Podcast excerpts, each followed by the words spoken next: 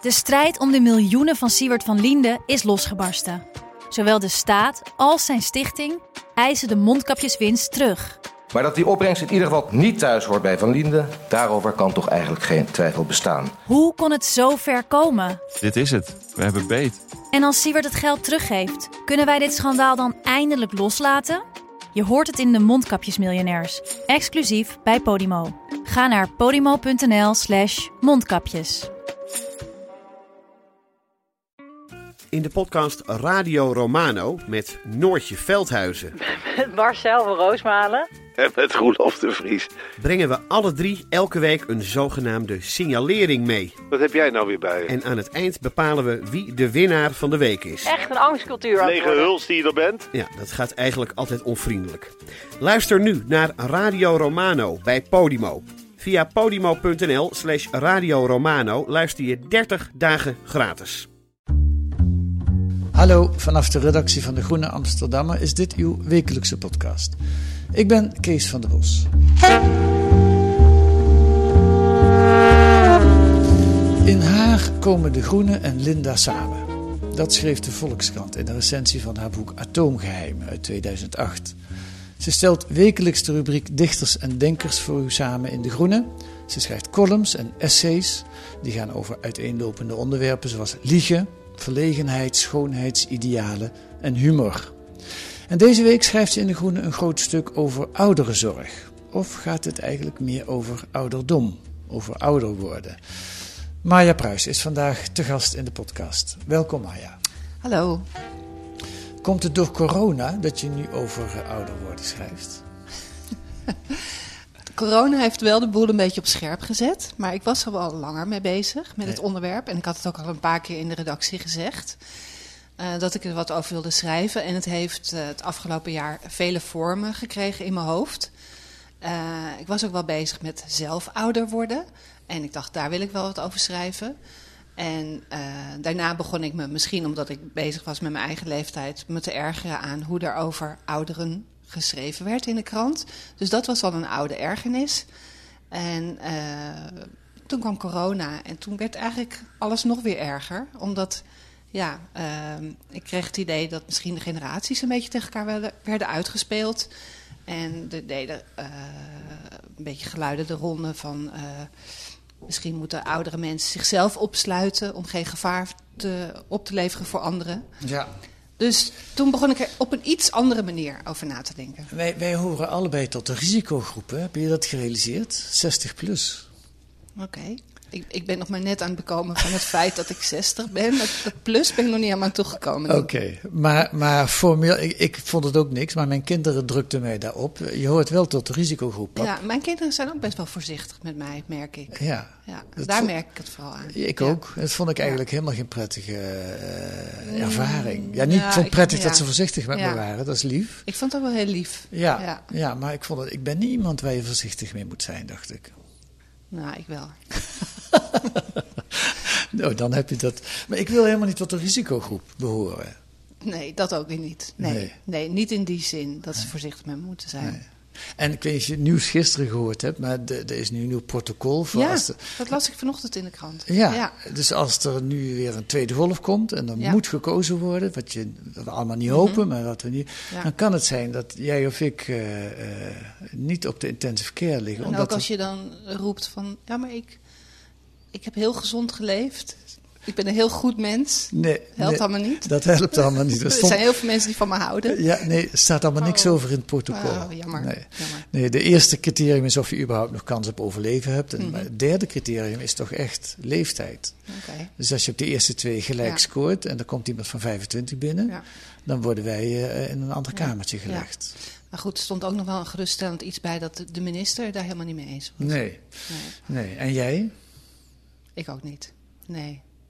Nee, want ik vind, eh, als je daarmee begint, het is een zogenaamd objectief criterium, leeftijd. Mhm. Maar zo objectief is het helemaal niet, want de ene 60er is niet de andere 60er, denk ik dan. En ik heb ook het idee van dat is dan het begin van een soort eh, hellend vlak. Want dan ga je proberen om eh, criteria, een lijstje te maken van, oh ja, wie heeft de voorrang? Werd in de krant ook gezegd, hè? Ja. Een, een moeder van drie kinderen, misschien is die wel belangrijker dan een man die al jaren alleen woont. Ja. Nee, ik vind het allemaal heel onverkwikkelijk. Ja. Ja. Ja, niet doen. Nee, maar goed, ik ben gewoon gelukkig in de omstandigheid dat ik dit gewoon kan zeggen. zonder dat ik enige praktische consequentie ergens van hoef door te voeren of te voelen. Dus ja, Ja. eh, dus ik kan het zeggen en ik zeg het. In, in, in je eerste antwoord zei je iets van: Ik ben bezig met ouder worden. Nou, dat Mhm. zijn we allemaal elke Mhm. dag. Maar je bedoelt er denk ik iets specialers mee. Ehm, nou ja, ik merk dat dat gewoon het hele gegeven van 60 worden vind ik nog wel iets. Dat was wel een ding voor jou toen je ja, dat werd? maar aan de andere kant, god, 30 worden was ook iets, 40 ook. Dus wat dat betreft niet echt iets nieuws. Maar ja, ik vind het wel een, eh, een fikse leeftijd. Ja. En, en bevalt het om 60 te zijn? Het gekke is, is dat ik eh, ook een beetje voor dit gesprek erover nadacht. Eh, wat betekent het nou eigenlijk? En eh, ik kan mezelf eh, niet helemaal verenigen met dat getal. Aan de andere kant, het is ook niet iets om me voor te schamen. En ehm, ik heb een zoon die me erop wijst, zo ga ik zoiets zeggen van, ja, maar ik voel me. Dan zegt hij, oh, het zijn altijd hele oude mensen die dat soort dingen zeggen. Dus dat weet ik ook wel. Dus dat is het allemaal niet. Maar het is wel zo dat in mijn hoofd ben ik nooit veranderd. En dat vind ik wel eens gek. Dat je denkt van, goh, eh, je wordt ouder en dan mag je aannemen dat je geest meegaat. En nou ja, op een bepaalde manier ook wel. En dat is dus wel weer het mooie. Eh, denkende aan dit gesprek, dat ik dacht van, oh ja, maar mijn laatste, de laatste tien jaar van mijn leven vind ik eigenlijk beter dan de tien jaar daarvoor. Eigenlijk vind ik de kwaliteit van mijn leven nu optimaal. Dus wat dat betreft eh, ben ik helemaal niet rouwig om het feit dat ik 60 ben. Het he- ja, het heeft ook voordelen.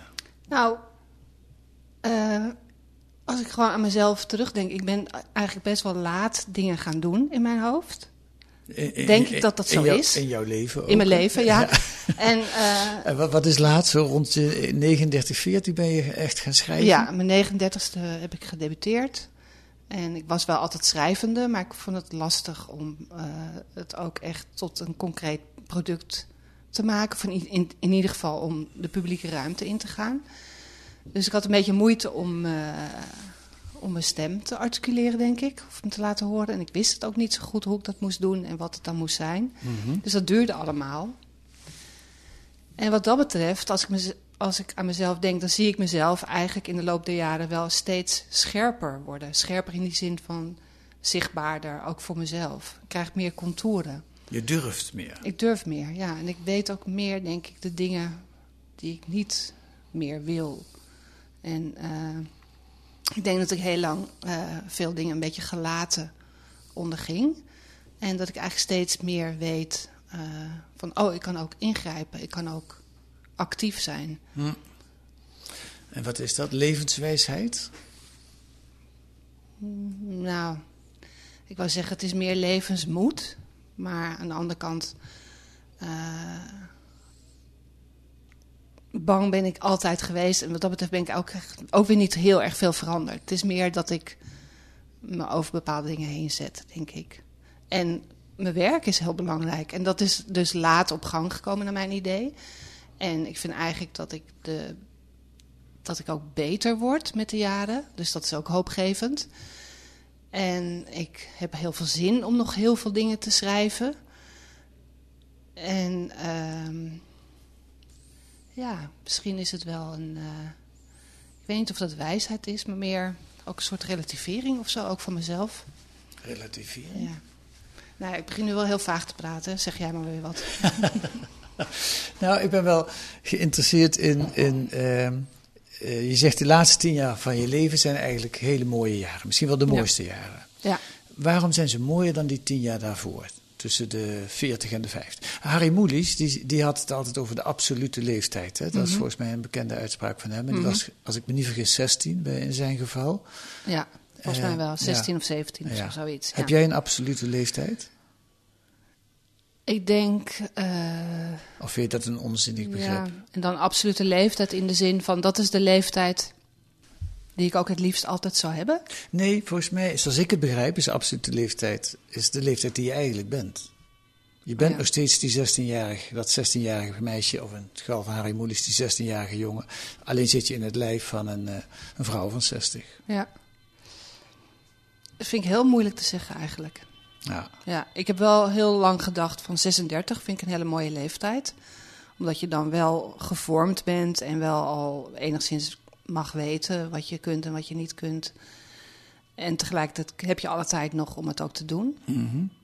Maar het is niet dat ik me nu eeuwig 36 voel. Nee. Ik voel me ook niet, eh, zoals Annie M. G. Schmid zei, van eeuwig achtergebleven, geloof ik. Helemaal niet. E- Zei ze dat? Eeuwig Ja. achtergebleven? Eeuwig acht. Oh. Oké. Ja, Ja, ja, ja, dan bent ik de ogen van een kind kunnen ja, kijken. ja, Nee, je bent gewoon Maya Pruis, net, Ja. net 60 geworden. Of tenminste niet zo lang geleden. ja. Ehm, maar terug naar die vraag. Waarom zijn die laatste tien jaar in jouw ogen fijnere jaren? Betere jaren? Wat was er minder goed in die jaren daarvoor? Laat ik het anders vragen. Mm, wat ik wel moeilijk vind aan die vraag, als je het zo concreet stelt, is dat ik het gevoel heb dat ik dan op een bepaalde manier ontrouw ben aan het leven wat ik tot dan toe heb geleid. En dat is niet het geval. Ik bedoel, dat ik kijk eigenlijk met liefde terug op mijn hele leven. Hm. En ik denk ook dat alles wat ik heb gedaan eh, goed was. Ik heb nergens spijt van. En eh, Nergens spijt van? nee, ik denk het niet. Oké. Nee, ik vind spijt echt best een, eh, een. Nou, ik vind het niet zo'n vruchtbare manier om in het leven te staan. Nee, ik denk dat je spijt eigenlijk altijd voor moet zijn. Je bent iemand die mensen begrijpt. En je begrijpt ook jezelf. Ook al heb je dingen gedaan waarvan je misschien achteraf denkt: oh, had ik dat zo wel moeten doen. Heb Zeker, Je, heb je er toch ja. wel begrip voor dat je het toen zo gedaan hebt. Zo, zo vul ik het dan maar in. Ja, ik denk dat ik wel eh, oog heb, heb voor op zich de zwakheid van mezelf en van anderen. Ja. Ja. ja. Weer terug naar die vraag, zonder dat ik je wil vragen om onsolidair Ja. te zijn met je oude ik. Ja, Maar je zegt niet voor niks dat die laatste tien jaar ja. beter zijn. Waar, waarin zit hem dat? Het zit hem in. ehm,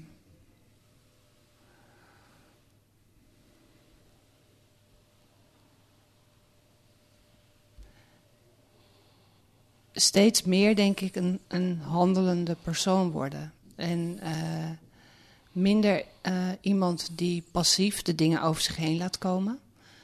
Of mensen op zich af laat komen. Ik heb, ben, denk ik, steeds beter erin om de omgeving bij me te zoeken die bij me past. Ik ben ook relatief laat bij De Groene gaan werken op de redactie. En dit is wel echt de plek waar ik thuis hoor. Ik kan me gewoon geen beter werk voorstellen. Je werkt nu een jaar of 15, 20. Ja, nou ja, ik werk ik heb natuurlijk al een tijdje freelance geschreven, maar ik zit eigenlijk nu vanaf 2008 is het volgens mij in de redactie. Ja, sommige sites Ja. zeggen 2007 en Oh, andere zeggen oké. Nou ja, 2006. goed. maar jij weet het het beste. Ja. Ehm, en dat is echt voor mij het grote geluk. Dat ik dat werk heb gevonden wat gewoon precies bij mij past. En wat op mij is toegesneden. En eh, dat ik de, de stukken schrijf, mijn toon steeds meer heb gevonden. En dat is wel echt iets van lange adem geweest. Ik heb ook het gevoel dat ik nu, nou ja, dat zei ik geloof ik net ook al, dat ik het veel meer voor me zie wat ik nog kan doen. En dat ik een tijd lang veel meer zoekend ben geweest. Wat ook niet vervelend is, maar Mhm. eh, ja, ik, ik voel me nu meer op mijn plaats in de wereld. En je, waar je vandaan komt, wat je eigenlijk een beetje beschrijft, is in, in principe, nee, hoe moet ik dat zeggen? Van oorsprong ben jij meer een afwachtend iemand. Ja, ik denk het wel. Ik denk eh, eh, dat ik altijd denk dat andere mensen mij op een idee moeten brengen om iets te doen. Eerder dan dat ik het zelf bedenk. Oké, waar komt dat vandaan? We gaan nu de psycholoog eh Ja, nou, nou, weet ik niet. Heb je daarover gedacht? Hoe, hoe, hoe- is dat gewoon, zit het in je DNA? Zo ben je. Vind ik heel lastig. Dus ik weet het niet zo goed. Nee, Nee. nee. Nee, misschien ben ik. eh,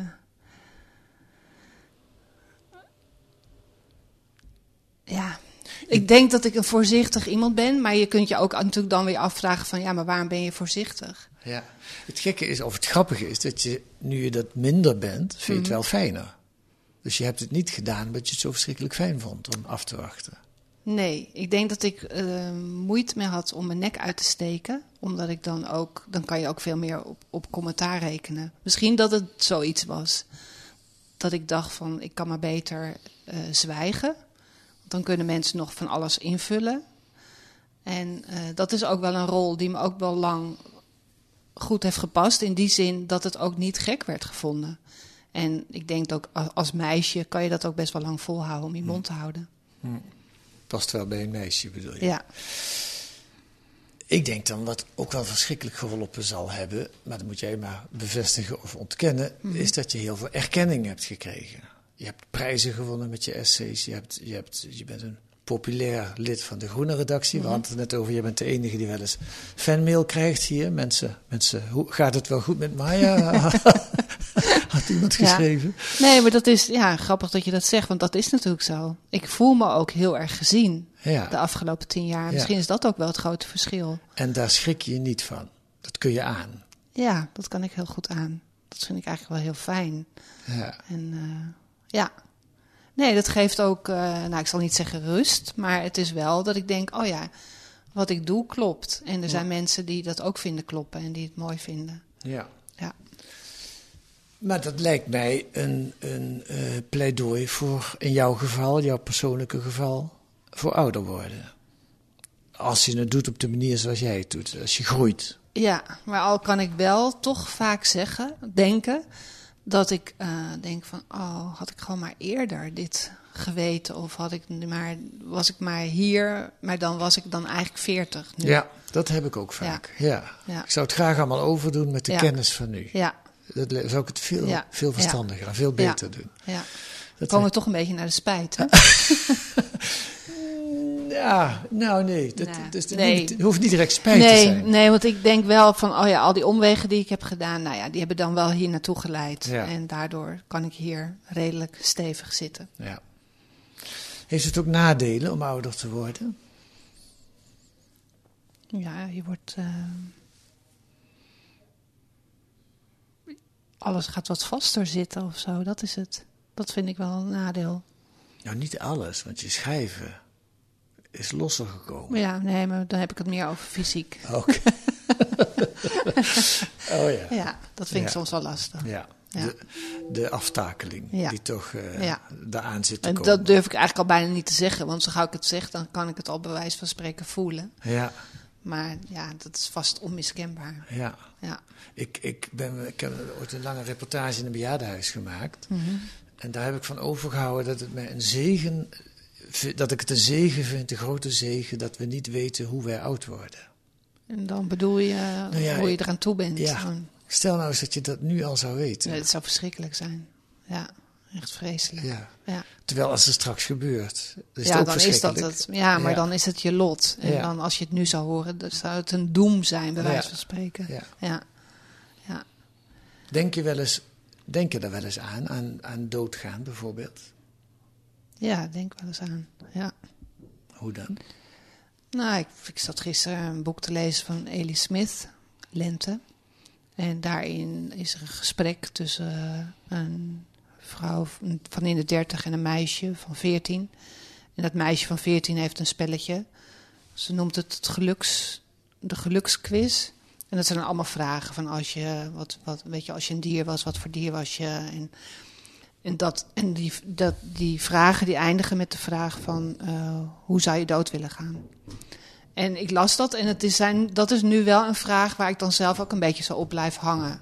Van wat zou dan mijn antwoord zijn? Dan ga je het straks aan me vragen. Maar, dat, maar goed, dan ben ik wel benieuwd wat, wat iemand daar dan op antwoordt. Ben je, Ja. bang, ben je bang voor de dood? Nee, Nee? nee. Te- Als jouw tijd is, dan is het gewoon Dan is geweest. het gewoon gebeurd. Ja. En waar ga je naartoe daarna? In het geheugen van mensen. Bestaat geen groene hemel of zo? Nee, Nee. nee. Klinkt ook wel hard als ik dat zo zeg. Ik wil heel graag dat er een groene hemel is, maar nee, ik denk Nee. het niet. Maar je bent er niet bang voor om te verdwijnen? Ik denk het niet. God, dat zeg je heel eh, beslist. Ja, het is eigenlijk voor het eerst dat, dat, dat iemand dat aan me vraagt en dat ik het blijkbaar vind ik dit. Ja. Nee. Ben jij wel bang? Nee. Denk ik nu, hè? Als Ja. het straks, eh, als het zover Ja. is, weet ik niet. eh, eh, nee. Nee, ik ook niet. Maar ik heb het wel gezien bij mensen die heel, ja, die, die dat niet aan wilden, die ontzettend zich verzet hebben. Ja, Zinloos, maar, want het komt natuurlijk toch. ja. Ja, ja ik heb dat ook wel gezien. Dat vond ik wel heel indrukwekkend ook. Hm. En ook wel mooi als je zo hecht aan het leven. Ja. Ja. Ah, waar zitten we nou? Even een slokje water. Doe dat. Ehm, we gaan het iets meer richting jou. Eh, goed, wij, wij zijn er nog. Hè? Ja. Eh, We worden wel ouder. Mhm. En we gaan het even over jouw thema hebben, tenminste waar je deze week over schrijft Mhm. in De Groene. Wat is jouw ergernis? Waar erger je je aan? Eh, nou, dat, dat was dus al, aan de hand, al langer aan de hand. Dat op zich iets wat een verworvenheid is, namelijk dat we allemaal oud kunnen worden en eigenlijk wel een redelijk goede doen. Dat het wel altijd als een probleem wordt neergezet. Van dat er zoiets is als een grote grijze golf en een grijze druk. En, ehm, Veel demente bejaarden. In elke ja, straat wonen dat. straks ja, twee demente ja, bejaarden. Ja, ja, Probleem. probleem, ja. Dat ergerde me. Maar is het dan Ja. niet zo? Wat ergert je daaraan? Vind je dat het onzin is om dat te zeggen? Of is het misschien wel zo, maar je moet het niet eens probleem benoemen? Ja, dat denk ik. Het is het is gewoon zo. Het is Ja. een feit. En eh, zoals, ja. ba- zoals baby's de luiers vol poepen, zo worden wij dement. dat, wordt- denk ik, ja. ja. En op een of andere manier lijkt het toch alsof dit eh, eh, de meest onaantrekkelijke levensfase is die er, die er bestaat. En die moeten we een beetje aan het zicht onttrekken op een of andere manier. Ja, en dan hebben we het nog niet over ons, over de zestigers, maar dan hebben we het over de echte oude mensen. Ja, en dat is wel iets wat me eigenlijk pas een beetje daagde toen ik met dit stuk bezig was. Dat daar dus in de ouderen, dat daar ook weer allemaal categorieën in worden onderscheiden. En Ja. dus dat je, ja god, mijn broer die is, nou weet ik niet eens hoe, maar goed, Ouder dan jij? ja, hij is ouder. Ja, dus hij zal zijn 66. Eh, als ik gewoon zie het leven wat hij leidt, dat is gewoon het, het best mogelijke leven. Nu is hij ook een heel goede doen. Maar hij is bevrijd van zijn werk. Hij eh, reist veel en eh, hij golft en weet ik veel wat hij allemaal doet. Maar dus het is, dat is niet het probleem. Dat is niet de, de grijze golf waar mensen last van hebben. Nee, dat zijn die dus dan heb mensen je het echt over de, de, de mensen achter de rollator. Precies. Ja, Ja, ja. Ik zag, ja. het zag, gaan wij later ook doen, achter zo'n rollator schuifelen. Het schijnt dat dat echt het ergste is. Hè? De stap die je dan moet maken. Dat Ja. heb ik bij zoveel mensen ook gezien in mijn omgeving. Ja. Nee, nee, ik wil die rollator niet. Nee. Dan, ja. Nee. En mijn moeder zei toen ze 86 was en naar het bejaardenhuis moest, ik wil niet tussen die oudjes eh, gaan zitten. Ja, ja. En dat meende ze ook. Ja. dat- Zat jouw moeder ook in een bejaardenhuis? ja, een verzorgingstehuis. ja. Verzorgingshuis. Ja. bejaardenhuis is een ouderwets woord. hè. Ja. Ehm, En volgens mij bestaan ze ook niet meer, Nee. toch? De gewone bejaardenhuizen. Als je gewoon bejaard bent en je bent goed, dan, ben je, dan um, word je geacht om thuis te blijven. ja, maar dat was Ja. toen ook al hoor. Alleen we dachten dat heel veel bejaarden in bejaardenhuizen gingen zitten, maar ik geloof dat het nooit meer dan 5% is Nou geweest ja, of zo. Ja. Ehm, als het nodig is, ga jij dan naar een bejaardenhuis? Nee, het bestaat niet meer, naar een verzorgingstehuis. Heb jij, heb jij, dus ik ben eigenlijk op zoek naar, zijn er grenzen waarvan je zegt, die wil ik niet over? Of heb je daar nog niet zoveel over gedacht? Nee, en ik heb ook het idee dat het heeft niet zoveel zin om dat te zeggen. Ik bedoel, ik kan nu wel zeggen, iedereen zegt van, oh, nou, als ik dement word, dan eh, geef mij dan maar een spuitje. Ehm, en het, zo werkt het gewoon niet. Straks ik weet niet, ik, ik, ik, ik zit er een beetje tussenin. Aan de ene kant denk ik van, je moet proberen om de regie te houden over je, je leven. En dus ook over je aftakelingen en je sterven. Aan de andere kant ben ik toch wel, denk ik, een beetje deemoedig. En is het aan de mensen om me heen Hm. die er hopelijk zijn dan nog, eh, die dan bedenken van, oh, dit is het beste voor haar. Dus dan ga ik er al vanuit dat ik het zelf al niet eens zo goed meer kan zeggen. Misschien ben je wel een hele vrolijke, demente bejaarde die eh, zingend, in de, eh, zonder dat ze weet tegen wie ze zingt. Ja, of die de hele dag naar andere Rieu gaat kijken. ja, ik weet het niet. Ik, We gaan er, het gaat allemaal nog heel lang duren, dus we hou- houden, ja, daar, we houden word nu, daarover. word nu toch een beetje somber. Ja, ik ga een zin uit jouw eh, essay van deze week voorlezen. Ehm, ik noem het een essay, noem je het zo Ja, ook? essay, ja. Ehm, die volgens mij de kern is. Maar eh, dat mag jij ook weer bevestigen of ontkennen. In mijn ongetwijfeld apolitieke droomwereld, waarin de economie de mens dient en niet andersom, hoeft niemand zich ooit opgelaten te voelen over het feit dat hij leeft. Of laat ik het zo zeggen, in ieder geval niet omdat hij al ruim acht decennia meedraait. Dat, dat vond ik de kernzin. Ja, nee, dat vind ik ook wel de kernzin. Ja. Je moet er gewoon mogen zijn. Ja. Van 0 tot, tot 90 Ja. of 100 of wat het ook is. Ja. En, en wat betekent dat maatschappelijk? Dat er veel meer geld naar de ouderenzorg moet? Sowieso. De mensen die voor ouderen zorgen veel meer verdienen. Dat het prestigieus beroep wordt, het mooiste beroep ter wereld. Het mooiste beroep ter Ja. wereld? Nog mooier dan boekschrijven? Nog mooier. Echt waar? Ja, Waarom?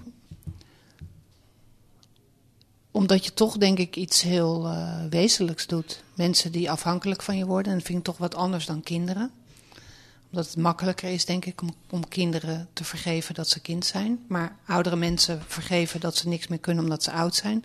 Dat is denk ik heel moeilijk. En er zijn mensen die er heel goed in zijn. Dat is wel grappig dat je dat zegt, want je neemt het de maatschappij kwalijk dat we dat doen, maar zelf heb je het eigenlijk ook. Ja, maar dit- er zit ook, daar, daar begon ook mijn, eh, mijn essay mee. Eh, ik voel zelf die weerzin ook wel. Ik had ook moeite om eh, mensen die boven de tachtig zijn en ziekelijk of dement, om die te blijven opzoeken. Terwijl ik wel wist dat ze daar behoefte aan hadden. Dus ik heb een enorm bewondering voor mensen die eh, eh, zulke afhankelijke mensen willen verzorgen en dat met liefde doen. Ik vind dat wel een talent. En daar moet niet op bezuinigd worden. Nee, zeker integendeel. niet. Nee. Maar het mooiste zou zijn, maar goed, daar, dat, dat kan ik ook weer vanuit mijn positie ook makkelijk zeggen. Als je toch mensen uiteindelijk niet meer zo weg zou stoppen bij elkaar. Ik heb het idee dat mijn moeder bijvoorbeeld steeds slechter werd, ook omdat ze tussen andere eh, slechte mensen, ik bedoel, Ja. die er slecht aan toe waren, omdat ze daar kwam te zitten. Omdat gewoon de hele omgeving heel geestdodend werd. Dus ja, in de ideale wereld zou iedereen gewoon altijd tussen elkaar blijven wonen. Heb jij, heb jij overwogen om je moeder in huis te halen? Ja, wel overwogen als gedachtespinsel, maar nooit de- praktisch iets onderzocht om te kijken of het ook mogelijk zou kunnen zijn. Mijn broer heeft dat bijvoorbeeld wel gedaan. Die heeft er overwogen om bij zijn huis nog een huis te laten bouwen waar dan mijn beide ouders. Dat is echt even aan de orde geweest. En uiteindelijk wilden zij dat allebei niet, mijn ouders. Nee? Nee. Ze wilden niet tot last zijn. Of, of was het? Ja, zoiets denk ik. Maar ook wel uit een soort gevoel voor privacy. Eh, niet alles willen zien van hun en omgekeerd. Dus nee, maar zelf eh, heb ik het wel als gedachte even gehad. Maar nooit eh, in de gelegenheid geweest ook om het dat echt te doen. Dat lijkt mij eigenlijk een van de ergste dingen van echt oud worden. Dat je je privacy kwijtraakt. Ja, Zoals je bij kinderen... Maar goed, Ja. die ontwikkelen hun privacy Ja. Wij hebben hem gehad. ja, En we moeten hem weer een stukje een beetje gaan inleveren. ja, Dat, dat, lijkt, dat vind ik wel een schrikbeeld. ja. En ook eh, het inleveren qua ruimte. Die je fysiek in mag nemen. Toch? Als je kijkt, als je verzorgd gaat worden uiteindelijk. Ik heb dat met mijn moeder meegemaakt en met de vriendin eh, die ook in het essay voorkomt. Gewoon van een mooi huis aan zee naar een kleiner iets. Uitkijkend op de Amstel en uiteindelijk uitkijkend op een gracht en steeds een kleinere kamer. Ja. Dat je ook ziet gewoon hoe iemand voortdurend aan het indikken is op de spullen. Ja. Ja. ja, wat ik ook wel mooi vind in je stuk, je beschrijft dat je, je bent verhuisd niet zo lang geleden. Mhm. Dan had je op een wandelroute die je langs een verzorgingshuis voerde overdag. En dan keek je daar naar binnen en zaten daar twee Ja, oude mensen aan een tafel die misschien allebei niet wisten dat die ander daar ook zat. Ja.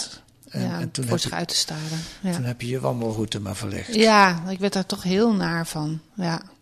Ehm, Het is dan nog niet eens zozeer dat ik denk, oh, eh, voor mezelf, maar gewoon dan denk ik gewoon weer aan mijn moeder, en mijn schoonmoeder en nou ja, al die mensen die ik eh, zo heb zien zitten. Ja, maar het is natuurlijk heel moeilijk, denk ik, om dat te veranderen. We zitten in een cultuur waarin jong, eh, jong heeft de toekomst. Jong, daar zijn wij zelf misschien zelfs wel een onderdeel van. van. Toen wij allemaal jong waren, hebben we daar ook flink voor gezorgd. Hoe, de- dat, is, dat, dat verander je niet zomaar. Nee, maar ja, wat je kunt doen is eh, nou, zo'n stuk schrijven als ik nu heb geschreven en eh, je er toch een beetje tegen te weerstellen op een of andere manier. En ja, uh, tuurlijk. Misschien is het ook wel natuurlijk in een maatschappij dat alle ogen gericht zijn op jong. Hm. Ik hoop dat je, als je in een verzorgingshuis terechtkomt, daar in elk geval nog mooi over gaat schrijven. Wie weet. maar, uh, maar ik wens je een lang en gelukkig leven toe. Dat, dankjewel. Uh, dankjewel, Maya Pruis.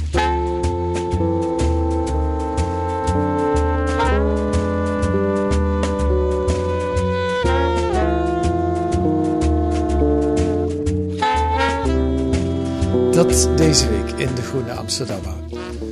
Verder in de Groene deze week uh, nog een essay van Philip Blom over de catastrofale aardbeving van Lissabon in 1755, die leidde tot de alomvattende twijfel aan de goddelijke ordening van de wereld.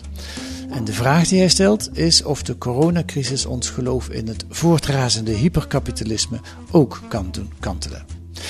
En een profiel van de theoreticus van het arbeidsethos, Max Weber, die 100 jaar geleden overleed. De socioloog wordt heden ten dagen meer geciteerd dan gelezen. En dat is jammer, want met al het thuiswerk in deze coronacrisis kan die wel weer een herwaardering verdienen. Dat kunt u lezen met een abonnement of een proefabonnement. Ga dan naar groene.nl. Daar leest u hoe u drie maanden de groene kunt krijgen voor 30 euro. Groene.nl. Wilt u reageren op deze podcast, dan kan dat via de mail. Ons adres is podcast.groene.nl. Verder waarderen we het erg als u ons sterren geeft in de podcast-app of een korte recensie. Volgende week zijn wij er weer met analyses en achtergronden bij het nieuws in deze podcast van de Groene Amsterdammer. Die deze week werd gemaakt door Mariska van Schijndel en Kees van der Bos. En de muziek is Tune for N van Paul van Kemenade.